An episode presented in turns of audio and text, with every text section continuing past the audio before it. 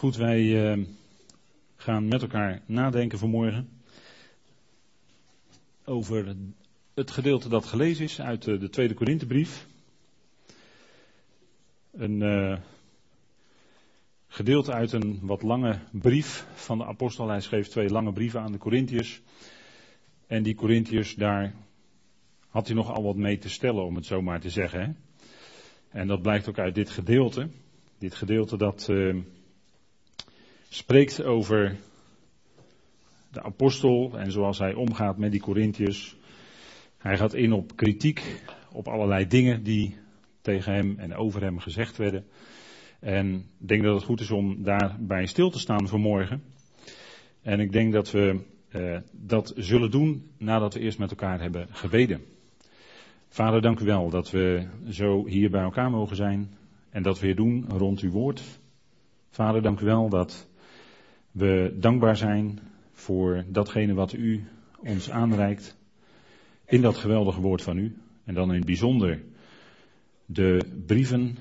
Vader, dank u wel dat u die Paulus liet optekenen. Dank u wel dat wij daarin een kostbare schat hebben, rijkdom. Vader, en dank u wel dat u ons steeds weer dingen laat zien die bijzonder zijn. Dat u ons daardoor ons geloof opbouwt. Dat u ons versterkt. En dat bidden u ook voor deze morgen, Heer, voor dit moment. Dat het mag zijn tot opbouw van het lichaam van Christus. En Vader, mag het bovenal zijn, geleid door uw geest. En daardoor tot eer van u. Dank u wel, Vader, dat we dit moment uit uw hand mogen ontvangen. Dat u daarvoor de kracht geeft. Vader, leid u daarin in alle woorden. Vader, dank u wel voor wat u geeft. In de machtige naam van uw geliefde zoon. Amen. Ja, je zou dit misschien boven dat stukje kunnen zetten. Paulus' gezag en de Corinthiërs.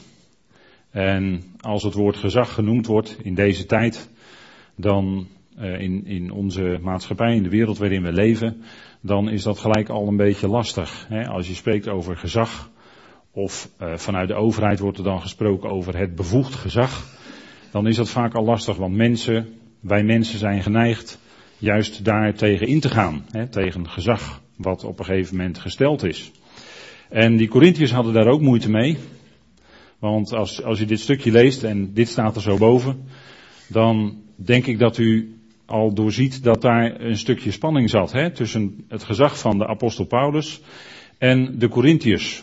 En als je die brieven leest, wordt dat nog veel duidelijker. Dan lees je hoe de Corinthiërs zich opstelden, wat er aan de hand was in die gemeente. Het is uh, voor u denk ik wel bekend dat daar verdeeldheid was. Men riep ik ben van Paulus en de ander riep ik ben van Apollos en weer een ander riep ik ben van Kefas en weer een ander riep ik ben van Christus. En misschien is wel die laatste groep ik ben van Christus is misschien wel hier een beetje bedoeld dat Paulus die aanspreekt hier, dat zou kunnen. Dat blijkt misschien wel uit de tekst. En dat was eigenlijk een ontkenning van de geestelijke eenheid die er is. En daarover spreekt de apostel in 1 Korinthe 12. Dan benadrukt hij dat het één lichaam is, met één geest. En dat is natuurlijk niet voor niks. Dat is natuurlijk tegen die achtergrond van die Corinthiërs die verdeeld waren. En dat blijkt ook uit dit gedeelte. We gaan even kijken naar deze tweede Korinthebrief. En u ziet hier een structuur. En je zou natuurlijk andere structuren kunnen uh, aanhalen. Dit is maar een stukje structuur. Een indeling van de brief.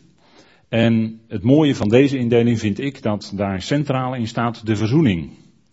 Paulus maakt in deze brief verzoening bekend. Dat God in Christus de wereld met zichzelf verzoenend was. En die verzoening, die proclamatie, die verkondiging van verzoening, die verkondiging van vrede dus, dat is het geluid, dat is het geluid, dat is de boodschap die vanuit God in deze tijd klinkt. Of ik kan ook zeggen, zou klinken, want het wordt niet overal gehoord. Dat dat het evangelie is. Dat God verzoend is. Dat de verzoenende handen, dat het vanuit God vrede is. En dat God niet boos is op de mens. Veel mensen die denken dat misschien wel vanuit hun geloofsopvoeding of vanuit de richting waar ze uit voortkomen. Die denken dat God boos op ze is en dat ze heel goed hun best moeten doen om die boosheid van God weg te nemen. Of uh, dat zij iets moeten doen om bij God te kunnen komen. Maar dat is allemaal, wat ik nu zeg, is eigenlijk allemaal religie. Dat is niet het evangelie zoals Paulus dat bracht. Zoals Paulus dat brengt. Want dat geldt vandaag de dag nog steeds. God is verzoend. God strekt zijn verzoenende handen uit naar deze wereld. Het is vrede. Vanuit God. Dat is de proclamatie die klinkt vanuit de boodschap die de apostel Paulus brengt. De verzoening staat centraal in deze brief. En je merkt als je leest en als je goed leert lezen, en dat duurt jaren als het om de schrift gaat, maar als je goed leest, dan merk je dat die hele houding van de apostel die verzoening ademt. Het ademt vrede. Paulus was ambassadeur. Hij was de ambassadeur van, van Christus en hij ademde verzoening in zijn optreden richting de Corinthiërs. Die zijn optreden helaas zijn manier van handelen, helaas verkeerd interpreteerde. Ze legden dat verkeerd uit. En dat was, dat was niet uh, het gebrek bij Paulus, maar dat was de makke van de Corinthiërs. Dat zij, hoe Paulus handelde, hoe Paulus optrad, verkeerd, onjuist uitlegden. Zij legden het anders uit dan het Paulus bedoelde. En dat maakt het moeilijk. Nou, als we kijken naar dit stukje uit 2 Korinthe 10, dan zien we dat Paulus twee keer eigenlijk wat geringschattend over zichzelf spreekt. En heel wat verzen, als het ware, eh, verdedigend zich opstelt. Verdedigend tegen dat wat in die gemeente over hem gezegd werd, wat rondging. En natuurlijk ving hij dat op. Via via misschien hoorde hij allerlei dingen. En hij voerde zo een aantal dingen aan ter verdediging. En dat doet hij bijvoorbeeld ook in de brief aan de Galaten.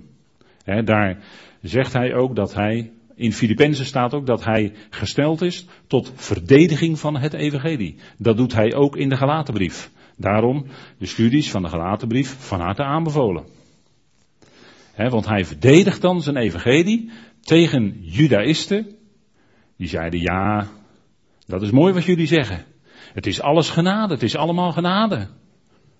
En dan ja, en dan hoort u al de komma komen, maar, ja maar, en dat is dus eigenlijk nee. Dat weet u hè. Als iemand dat hoort en zegt ja maar, dan is het eigenlijk nee. En dan daarna komt misschien een hele redenering, allerlei argumenten, waarin men dat vervolgens dus wil ontkennen. Dat het alleen genade is. Nou, Paulus, die zegt dan in dat eerste vers, ik, Paulus zelf,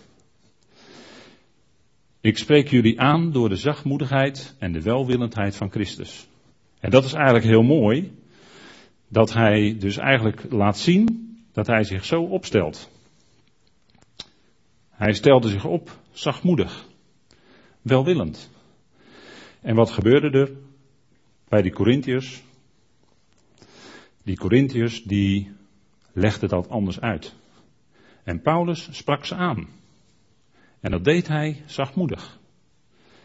En aanspreken, dat woord komt vaak voor in de schrift. Dat aanspreken, dat is eigenlijk het langsbij roepen in Gods liefde. Dus hij sprak ze aan in liefde. Dat aanspreken is niet heel streng van nu moet je dit en nu moet je dat. Nee, Paulus die spreekt ze aan vanuit zachtmoedigheid. Vanuit welwillendheid. Vanuit die houding. En dat is eigenlijk ook wat je ziet bij de Heer. Toen hij op aarde rondwandelde. Toen zei hij ook op een bepaald specifiek moment. Leert van mij. Leert van mij. En toen zei de Heer, want ik ben zachtmoedig en nederig van hart. Hoewel hij ook enorm scherp kon reageren richting de fariseeën en de schriftgeleerden. Want hij prikte door ze heen. Hij prikte ook door die Corinthiërs heen. En dat was misschien wel de reden waarom de Corinthiërs eh, hem eigenlijk, nou, als ik over de meerderheid spreek, of misschien wel de helft, dat, dat weet ik niet natuurlijk, maar ze hielden hem maar liever een beetje op een afstand, Paulus. En dus ook zijn woorden, wat hij sprak. Want het prikte hen misschien wel aan. Het prikte misschien wel in hun hart. En misschien was dat wel de reden waarom ze zo kritisch op hem waren. En waarom ze allerlei uh, argumenten bedachten tegen wat hij zei. Omdat hij ze doorhad. Omdat hij je precies op die punten ging zitten waar die Corinthiërs nou moeilijk mee hadden. Hij sprak over eenheid, terwijl die Corinthiërs verdeeld waren. En, en de Corinthiërs, notabene blijkt ook uit dit gedeelte, die zeiden dat Paulus vleeselijk was. Bijvoorbeeld, als we zouden gaan naar het eerste hoofdstuk van deze brief, dan zouden we eh, zien dat, dat Paulus zich daar min of meer verdedigt, doordat hij zegt, ja, uh, ik heb geaarzeld, maar ik kom nog niet naar jullie toe. Zijn plannen waren gewijzigd. En, en de Corinthiërs legden dat uit als een stukje zwakheid van Paulus. Ah, zo van, uh, ja, hij durft zeker niet. Hij is zeker bang voor ons. Of hij heeft zeker geen antwoord op onze argumenten. En dan moet Paulus helemaal verzenlang uitleggen waarom hij dan uh, niet direct naar de Corinthiërs toekomt. En de ware reden was eigenlijk niet dat hij zichzelf wilde sparen, dat hij zelf bang was. Nee, hij wilde die Corinthiërs sparen. Omdat zijn aanwezigheid te midden van die Corinthiërs misschien wel zo zwaar kon zijn, dat het voor hun, uh, ja, dat het voor hun te zwaar was. Hij wilde juist die Corinthiërs sparen. En natuurlijk was het God, was het de Heer die zijn plannen stuurde. Want Paulus, uh, die leefde niet zomaar van, uh, ja, nu ga ik dit doen en nu ga ik maar eens die kant op en nu ga ik maar eens daarheen. Nee, natuurlijk niet. Paulus was biddend bezig en legde zijn plannen voor aan God. En God wijzigde zijn plannen en reizen heel vaak. Maar dat is Gods zaak. Dat, dat, dat Paulus dan, dat Paulus komst naar de Corinthiërs uitgesteld werd. En, en die Corinthiërs waren eigenlijk waarvan zij Paulus beschuldigden, waren eigenlijk zelf zo bezig. Ze waren eigenlijk zelf vleeselijk. Ze dachten vleeselijk. Ah, hij zal wel niet durven, ah, hij zal wel dit. En ze trokken allerlei conclusies uit hoe Paulus zich uh, gedroeg. Maar dat waren verkeerde conclusies. Waren niet, uh, dat, waren geen, dat was niet geestelijk doordacht van de Corinthiërs, maar het was vleeselijk. En zo was het steeds, uh, bij sommigen kon Paulus eigenlijk geen goed doen. En, en vandaag, de dag, vandaag de dag is dat helaas nog steeds zo. De, je merkt wel eens bij gelovigen of zodra het over Paulus gaat, nee, niet thuis. Of veel te moeilijk. Of daar begrijp ik echt helemaal niks van, van die Paulus. Nou, en het ging om zijn gezindheid. Hè? In welke gezindheid kwam Paulus nu naar hen toe? Hè? Door zijn brieven. Nou, in die gezindheid van, van Christus. Niet zo van, ik ben een, eh, ik ben een geweldenaar en ik kan, ik kan geweldig spreken en ik zal jullie wel eens even vertellen hoe het zit. Wel nee.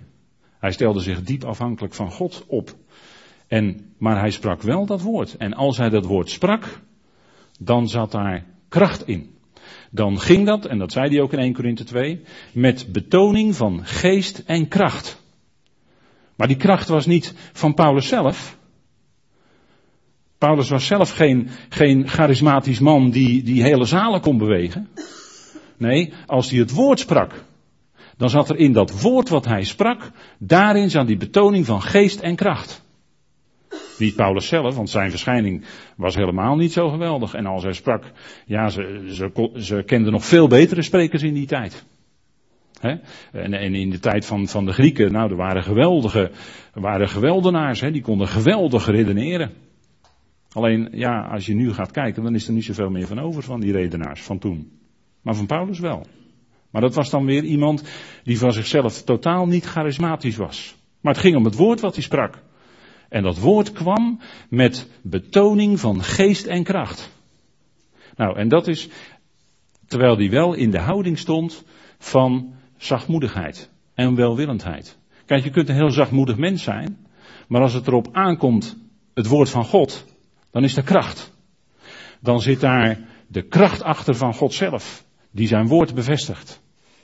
Niet wat, wat mensen aan mooie redeneringen kunnen opbouwen, dat bevestigt God niet. Hij bevestigt zijn woord. Altijd. En die zachtmoedigheid en die welwillendheid van Christus, die is te zien in de gehoorzaamheid van Hem tot en met de dood aan het kruis. Hij was gehoorzaam, welwillend. En die nederige gezindheid, die ootmoedige gezindheid, hè, dat is uh, niet van jezelf hoog willen zijn. maar juist laag. Dat is, die, dat is ootmoedigheid. Hè? En uh, dat was te zien in de gehoorzaamheid van Christus tot en met de dood aan het kruis. En, en dat is iets geweldigs, hè? Die dood van Christus. Want dat heeft iets bewerkt. Dat is dat wij ons steeds zouden herinneren. En dat doen we ook omdat we het Evangelie lezen. Dat God vrede heeft gemaakt. En, en dat is het, hè, om dat werk te doen. Om dat werk te doen wat Christus, wat hij deed, wat Christus deed, wat Jezus deed. Daar is moed voor nodig. Daar was moed voor nodig. En hij zag er tegenop als mens. Maar hij ging. Vader, niet mijn wil, maar uw wil geschieden. En omdat hij door dat lijden en door die dood heen kon kijken naar de belofte die vader hem gegeven had, dat hij hem zou opwekken uit de dood op de derde dag, wat zo vaak in de schrift betuigd is, daardoor had die zoon de moed en de kracht om door te gaan door het lijden heen. Omdat hij wist dat vader zou het niet verkeerd doen, maar vader zou hem opwekken uit de dood. En dit is de boodschap, hè, die kostbare woorden uit Romeinen 5, want als wij, toen wij vijanden waren, met God verzoend zijn door de dood van zijn zoon. Wij zijn met God verzoend door de dood van zijn zoon. Wat een geweldige boodschap is dat, hè? En uh, je zou nog zelfs nog kunnen lezen doorheen, hè? door de dood van zijn zoon heen. Want daarachter klinkt natuurlijk ook het leven. Het was niet alleen zijn dood, maar hij werd opgewekt. En daarom is het een geweldige, blijde boodschap. Is het een goed nieuws. Maar wij zijn met God verzoend door de dood van zijn zoon. En als je dat gaat beseffen, dat, dat God vrede heeft gemaakt en je hebt daar in je leven antwoord op gegeven, dan werkt dat in je tot gehoorzaamheid. Dat is dus niet van bovenaf wordt het op je gelegd en nu moet je gehoorzamen. Want dan ga je misschien gehoorzamen uit angst voor degene die het jou oplegt. Nee, het werkt in je en dan krijg je een innerlijke welwillendheid om gehoorzaam te zijn. Om dat wat je hoort ook uit te leven. Dat dat wat je hoort uit het evangelie, dat je dat ook gaat leven. Die gehoorzaamheid. En dat is dus anders dan dat het jou opgelegd wordt. Zo was Paulus ook nooit bezig. En ook dat werd door die Corinthiërs verkeerd uitgelegd. Gods houding naar de wereld is er een van vrede, van verzoening. En die werkt uit in de houding van Paulus naar die Corinthiërs toe. En zelfs ging die zo ver dat ondanks dat hij zoveel had aan te merken op die gemeente, en terecht, volkomen terecht, maar ging die zelfs zo ver dat hij hen ook nog complimenten geeft. Want hij zegt, jullie zijn onze roem op de dag van de Heer Jezus, zegt hij in 2 Korinthe 2. Jullie zijn onze roem op de dag van de Heer Jezus. Dus op die dag, waarin, ze, waarin dat hele lichaam van Christus bij de Bema zal staan, of op de Bema zal staan, hoe moet ik het zeggen? Dan zullen zij zijn roem zijn. Dus hij wist ze zelf ook nog te complimenteren. Zo ver ging hij. Kijk wat een verzoenende houding de apostel had, hè? Nou, en dan zegt hij, ik die voor het aangezicht ootmoedig ben onder jullie, maar in afwezig ben, maar in afwezigheid moedig naar jullie toe. dat is de verzoenende houding van de apostel. En weet u wat die Corinthiërs deden? Die Corinthiërs die trokken daaruit de verkeerde conclusie. Wat? Paulus? Maar hij heeft geen gezag. Hij is niet eens onze aandacht waard. Want zijn spreken is zwak. En eh, we, kunnen, we kennen wel anderen. Die zeggen, te, die zeggen het tenminste. En, maar dat waren misschien andere predikers die hen allerlei dingen oplegden. Van je moet dit en je moet dat en anders. Hè, met een beetje dreiging erachter. Hè, de, de, de verontwaardiging, de toren van God erachter. En dat is wat de Corinthiërs misschien wel wilden. Dat Paulus dat wat meer zou doen. Maar Paulus kwam met de boodschap van verzoening. Met genade. Genade die effectief is die effectief is tegen de zonde. Want er is geen betere kracht tegen de zonde dan de genade van God. Dat lijkt misschien vreemd als ik dat zo zeg. Maar dat, zo is het. Genade, juist genade, dat je beseft, Vader, u schenkt mij genade. Ik, ik leef in genade. Wat een geweldige liefde van u. En als je dat gaat ontdekken in je hart, met je hart, dan gaat dat je gedachten veranderen. En dan wil je niet richting de zonde, maar dan wil je richting Hem gehoorzamen. En dat gaat dan van binnenuit. Dan is het niet langer zoals onder de Mosaïsche Torah opgelegd van je mag dit niet en je mag dat niet, want anders word je gestenigd. Dat is, dat is de Torah van Mozes. Ik kan u zo een aantal voorbeelden noemen, maar ik denk dat u het zelf ook wel weet. Maar bij Paulus gaat het evangelie werken van binnenuit. En dat wil je niet. En dan wil je niet richting de zonde, maar dan wil je richting God eren in je leven. En, en dat is een hele andere. En die Corinthiërs legden dat verkeerd uit bij Paulus. Die, Paulus sprak natuurlijk vaak en veel over genade, verzoening. En ja, nou, dat is niet onze aandacht waard hoor. Nee, we hebben liever iemand die uh, anders spreekt. Nou, Gods houding naar de wereld toe is verzoening, is vrede. En heel merkwaardig, sinds dat die boodschap is begonnen, hè, sinds dat Paulus daarover is begonnen te spreken, is er ook iets uitgewerkt in de houding van ongelovigen. En die leggen dat uit als, ja, God grijpt nu niet rechtstreeks in op een bovennatuurlijke manier. En, en dat heeft geleid tot de conclusie bij, bij ongelovige mensen van, ja, God heeft zeker de rug naar de wereld toegekeerd. Moet je eens kijken wat er allemaal gebeurt. Of zelfs zijn mensen nog verder gegaan in hun conclusies, eigen gedachten. Paulus spreekt in dit hoofdstuk over bolwerken. Nou, dat kan ook zo'n bolwerk zijn. Ja, God bestaat zeker niet. Want we horen, we horen niets meer van hem. Hij grijpt niet rechtstreeks in. En alles is onderhevig aan, aan, de, aan de natuurlijke wetten. En alles verloopt langs natuurlijke wetten. En, en daarachter klinkt een beetje evolutie. Zo, ze hebben ongelovigen daarop gereageerd. En dat heeft te maken met wetteloosheid. Dat leidde ook tot een heel ander gedrag. Gods verontwaardiging blijkt vandaag de dag niet in dat er grote natuurrampen gebeuren en dat die uh, hele, zoals het in openbaring beschreven staat, dat er hele enorme rampen gaan gebeuren. Dat doet God vandaag de dag niet. En, en de prediker die zei daar al iets over.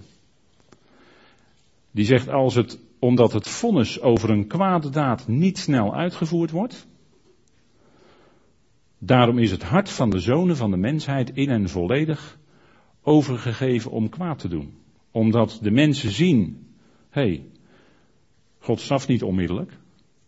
God grijpt niet in.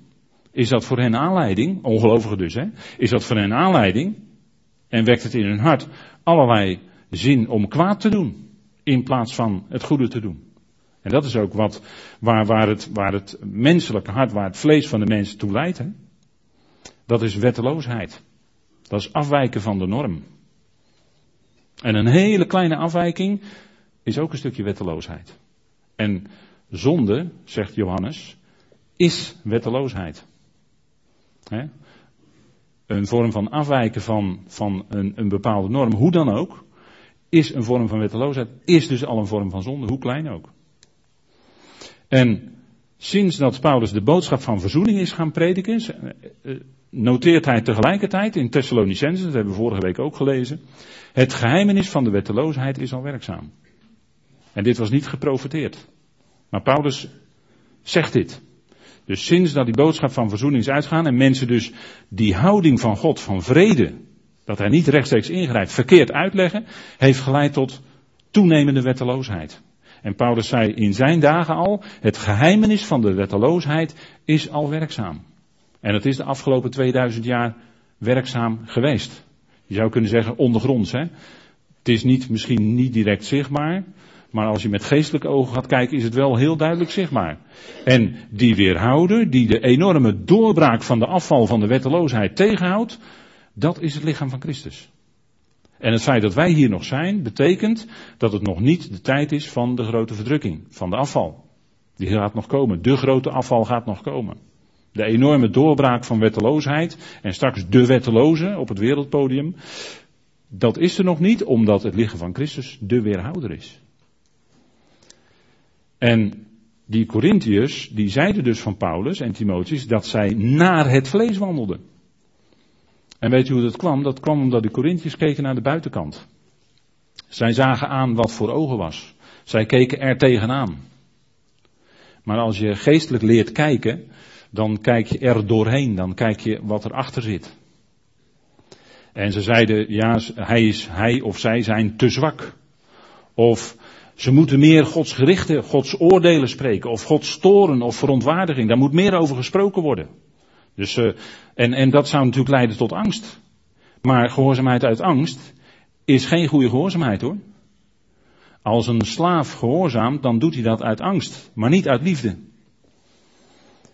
Maar bij, de, bij het evangelie dat Paulus brengt, wordt er liefde in je hart gewekt tot God. En vanuit die liefde wil je hem ook gehoorzamen. Zie je dat het dan heel anders werkt. En uh, hij smeekt hen niet te vrijmoedig te moeten optreden. Als Paulus zelf zou moeten optreden, zou het misschien te zwaar voor ze zijn. En dan zegt hij, want al wandelen wij in het vlees, ja, dat, dat geldt voor ieder mens, hè? Voor, voor ons als gelovigen. Wij wandelen wel in het vlees, maar het is te hopen dat wij niet wandelen naar het vlees. En wij voeren geen strijd, zegt Paulus, naar het vlees. En gek genoeg, het woord wat hier staat voor strijd voeren is eigenlijk oorlog voeren. Wacht even, hoe kan het nou? Je zei net, God is verzoend, God, het is vanuit God vrede. En nu heb je het over oorlog. Hoe kan dat nou? Nou, omdat er een tegenwerker is, maar dat is onzichtbaar. dus het is geen oorlog voeren in de zin van we moeten met z'n allen kruistochten gaan organiseren, zoals het duizend jaar geleden ging. Zo niet. We moeten die oorlog niet voeren. Nee, Paulus voerde een hele andere oorlog, om het zo maar te zeggen. Met geestelijke wapens, met een geestelijke wapenrusting. Oorlog in verband met de tegenstander. De tegenstander die volgens Efeze is de vorst van het volmachtsgebied van de lucht. Zo wordt hij genoemd. Dus in de lucht zit heel wat tegenstand om het zo maar te zeggen, maar die kunnen wij niet zien. En hij wordt genoemd de God van deze eon. Dus dat is, als je het zo bekijkt, toch wel een formidabele tegenstander. En er is maar één manier om die tegenstander, uh, om je daar tegen te wapenen, dat is met die geestelijke wapenrusting uit Efeze. U ziet daar die soldaat, die Romeinse soldaat, dat is een lang schild, dat is het lange schild voor ons van geloof. Dat is natuurlijk daar een letterlijk lang schild, maar voor ons is het geestelijk geloof. Geloof in de uitspraken van God. En in het bijzonder de uitspraken van God door Paulus. Die heb je nodig. Tegen vurige pijlen. onze werktuigen, zegt Paulus, van onze oorlogvoering, dat woord gebruikt hij daar ook. Dat is afgeleid van het, uh, vanuit het vorige vers, hetzelfde woord, zijn niet vleeselijk, maar krachtig voor God tot neerhaling van bolwerken. Dat is de strijd die Paulus had. Dat was in feite de oorlog die Paulus te voeren had. Neerhaling van bolwerken. Want er zijn bolwerken bij mensen. Bolwerken die wij niet kunnen zien. En dat heeft te maken met die geestelijke vijanden die in Efeze genoemd worden. Dat zijn de soevereiniteiten, dat zijn de gevolmachtigden, dat zijn geestelijke machten. De wereldmachten van deze duisternis. De geestelijke machten van de boosheid. En hoe werken die? Niet van buitenaf, maar die willen graag werken van binnenuit. In, ons, in, in de gedachten van de gelovigen. Dat daar bolwerken ontstaan. Zodat gelovigen tegenover elkaar komen te staan. Zoals in Korinthe was gebeurd, hè? Maar Korinthe is een blauwdruk, denk ik wel eens, van wat in die 2000 jaar zou, daarna zou gebeuren. Constant verdeeldheid, constant allerlei gedachten die mensen hebben. Maar gedachten die afwijkend zijn van het woord van God. Die afwijken van het evangelie wat Paulus bracht. Dus van binnenuit. Kijk, dit is een letterlijk bolwerk. En, en uh, als je dat wilt veroveren, ja, dan zal je sloopwerkzaamheden moeten verrichten. Hè? Dan moet je bressen in die muren gaan slaan. Nou, dat is letterlijk, hè. Maar nou geestelijk zijn de bolwerken. En dat, dat zijn uh, redeneringen, zegt Paulus in vers 5. En elke hoogte die zich verheft tegen de kennis van God.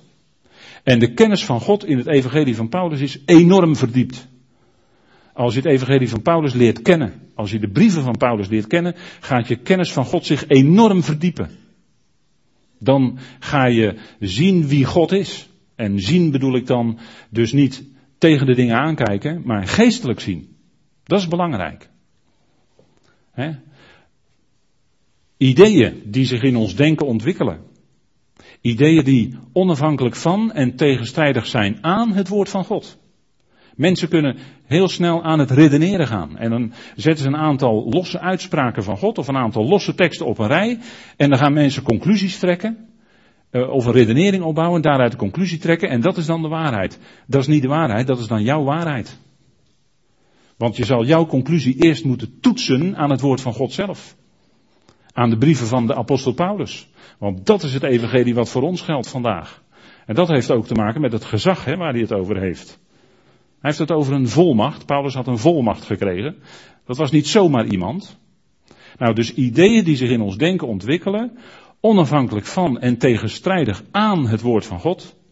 En dan onderstrepen we in het bijzonder het evangelie van de genade zoals Paulus dat brengt. Dat kunnen bolwerken zijn die zich uiteindelijk verzetten tegen dat evangelie. En die bolwerken, daar had Paulus mee te maken bij de Corinthiërs. De ene, de een zei ja, nou ja, Paulus, ja, uh, genade, dus alles is geoorloofd. Wacht even, zei Paulus. Ja, alle dingen zijn me wel geoorloofd. Maar is het ook tot opbouw? Is het tot opbouw wat je doet? Of wat je van plan bent te doen? Of waar je mee bezig bent? Is dat nou tot opbouw van de gemeente? Is dat nou tot opbouw van je eigen geestelijk leven? Is dat nou tot opbouw van de mensen om je heen in de gemeente? Kijk, bolwerken. Paulus zegt daar ook iets over in Colossense 2. Hè?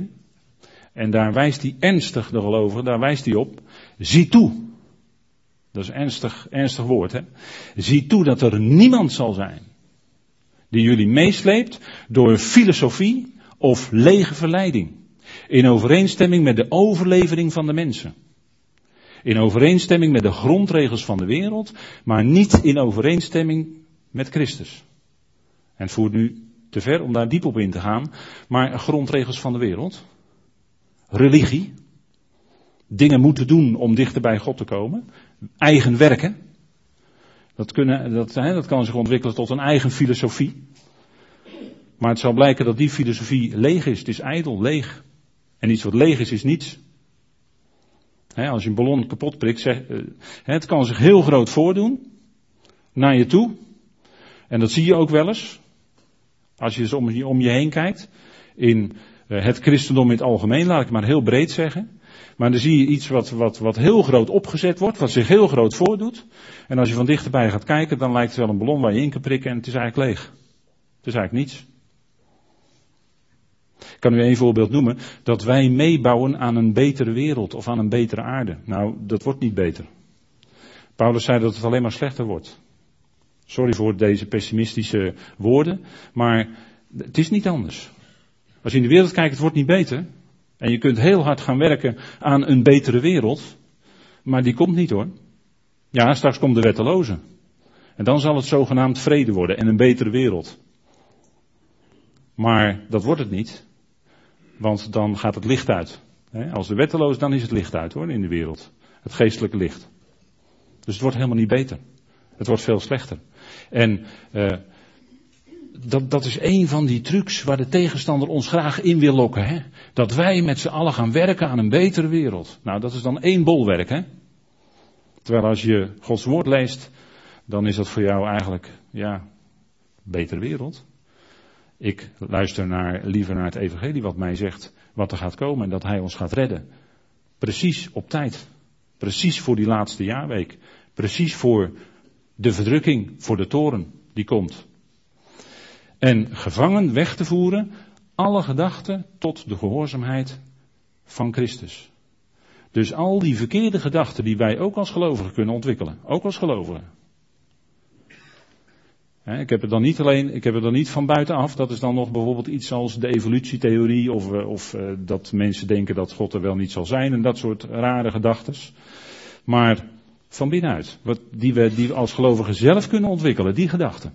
Die bolwerken. Hoe besteedt Paulus die? Met de kracht en de autoriteit. Niet van hemzelf als persoon. Maar met het woord van de verzoening. Dat was zijn kracht. Dat was zijn autoriteit. Dat moest hij brengen en dat deed hij ook. En daarmee nam hij die bolwerken, die gedachten gevangen tot de gehoorzaamheid van Christus. En die gedachten van die gelovigen, moesten, die gedachten die afgedwaald waren, die tot bolwerk geworden waren, die moesten veranderd worden. En die moesten hier en daar ook wel weggesloopt worden. Hè? Want kijk, dat woord wat Paulus bracht was aan de ene kant neerhalen. Daar heeft hij het over. Hè? Niet om jullie af te breken, maar om jullie op te bouwen. Maar het woord van God heeft altijd die dubbele werking. Aan de ene kant breekt het af. Wat in ons leven niet klopt. Of de verkeerde gedachten die wij hebben. Worden afgebroken. Hè, dat is die sloopkogel van het onderste plaatje. U weet wat de sloopkogel doet, hè? En aan de andere kant was Paulus bezig op te bouwen. Want hij zegt, het gaat, er niet, gaat mij er niet om om jullie neer te halen, maar om jullie op te bouwen. En het kan best zijn dat er eerst wat oud puin nog weg moet. E-, eerst even puin ruimen. En dan opbouwen wat het moet zijn. Hè? En, en dat bedoelt hij ook in het vers 6. Hè? Dat woord wreken, daar moet u niet al te zwaar. Hè? Dat is wel uh, inderdaad, elke ongehoorzaamheid moet weg. Dat is ook dat puin. Dat moet weg. Maar uh, wreken in de zin van terecht weghalen. Hè?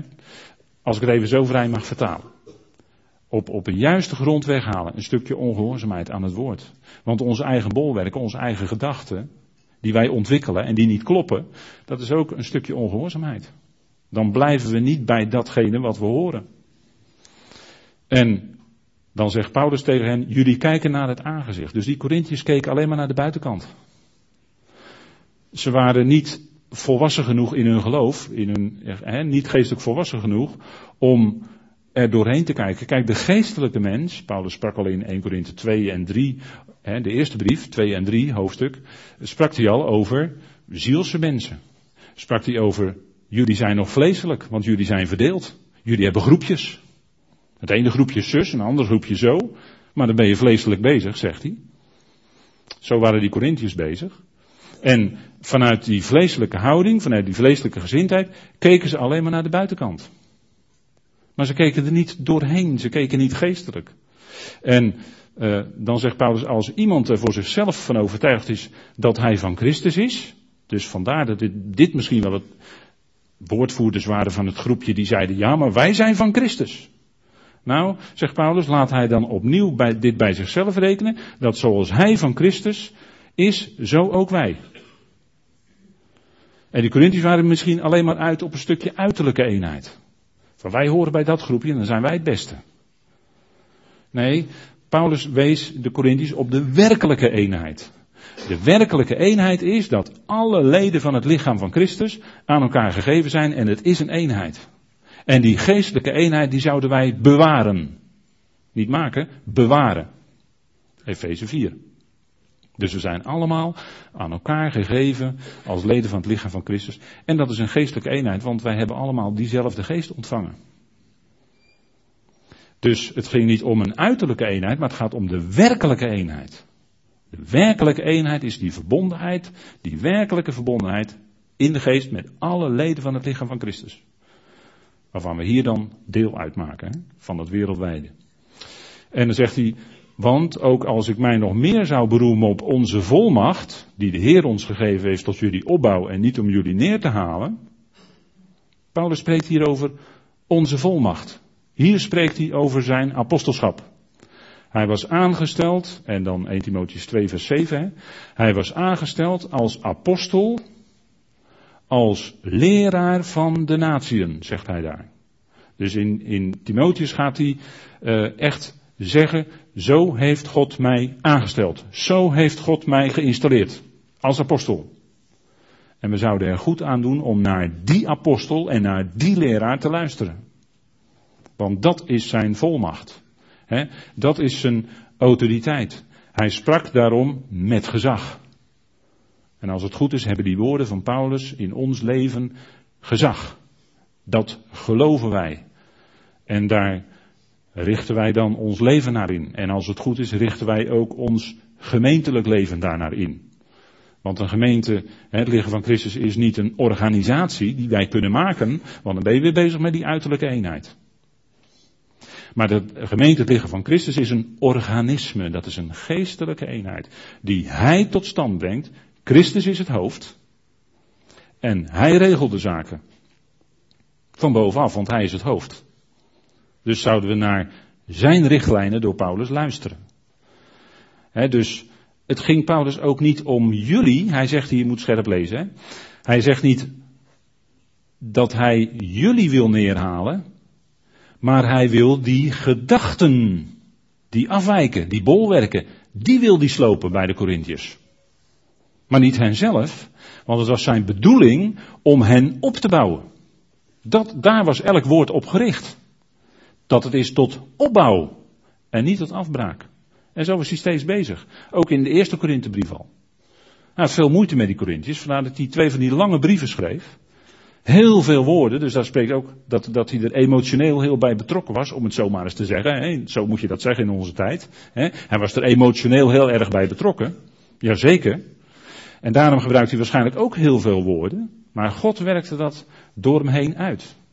Dus hij wilde hun gedachten slopen. Zodat er een keurig nieuw bouwwerk, hè, zodat die gedachten opnieuw opgebouwd worden. En die Corinthiërs weer in de lijn gingen lopen die voor ogen was.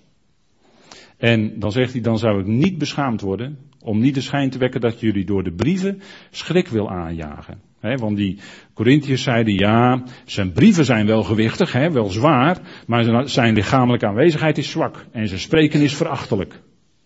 Moet je eens kijken hoe ze over hem spraken. hij kon niet goed spreken. Het was geen charismatische spreker op het podium. Maar hij bracht wel die woorden die hij moest spreken. En daarmee keken ze dus, die Corinthiërs, blijkt hieruit, hè, daarmee keken ze dus naar de buitenkant. Zij wilden liever iemand hebben die, hè, die, die van zichzelf uh, sterk was. En die, uh, vandaag zouden we zeggen, die allerlei cursussen leiderschap al achter de rug heeft. Bijvoorbeeld, hè. Is tegenwoordig ook heel erg in, hè, cursus leiderschap doen. Maar Paulus was door God aangesteld. En zijn woord was datgene wat maatgevend is. Maar de Corinthiërs keken liever naar de buitenkant. En het waren, hè, zulke uitspraken zijn natuurlijk ook vurige pijlen. Hè? Vurige pijlen. Maar Paulus had dat schild. En natuurlijk, natuurlijk deed het hem wat als mens. Maar hij had dat schild van het geloof. En hij wist waarvoor hij stond. Hij wist dat hij aangesteld was als apostel, als leraar. En we zouden dan ook naar zijn woorden luisteren. En het is een geweldige boodschap. God heeft vrede gemaakt. Hij is verzoend. En laat die verzoening dan ook, hè, dat, dat was natuurlijk voor die Corinthiërs zo nodig, dat die verzoening ook onderling zou doorwerken. Hè, met God verzoend betekent ook dat je met elkaar, je bent aan elkaar gegeven allemaal als met God verzoende mensen. Nou, dan is het toch logisch dat je ook met elkaar vanuit verzoening omgaat. Met elkaar vanuit vrede omgaat. Hè? Uh, dat, dat zegt Paulus toch ook in Thessalonicense, houd vrede onder elkaar. Dat zegt hij natuurlijk niet voor niks. Maar die Thessalonicenzen, daar had hij ook het woord gebracht. Hè? En die hadden het ook aangenomen. En dat was anders dan bij de Corinthiërs hoor. Die hadden het aangenomen niet als een woord van mensen, zegt Paulus. Maar wat het werkelijk is, als het woord van God. Het woord van die grote God. Die alle mensen lief heeft. En die verzoent. Hè, die, die zijn boodschap van verzoening laat uitgaan naar deze wereld. En we leven nog steeds in die geweldige tijd. Hè? Het is nu nog steeds een wel aangename tijd. Het is nog steeds een dag van redding. En redding dus door genade. Dat er geen prestatie wordt verwacht van de mens, maar je kunt hem eenvoudig danken voor de genade die hij geeft. Dagelijks.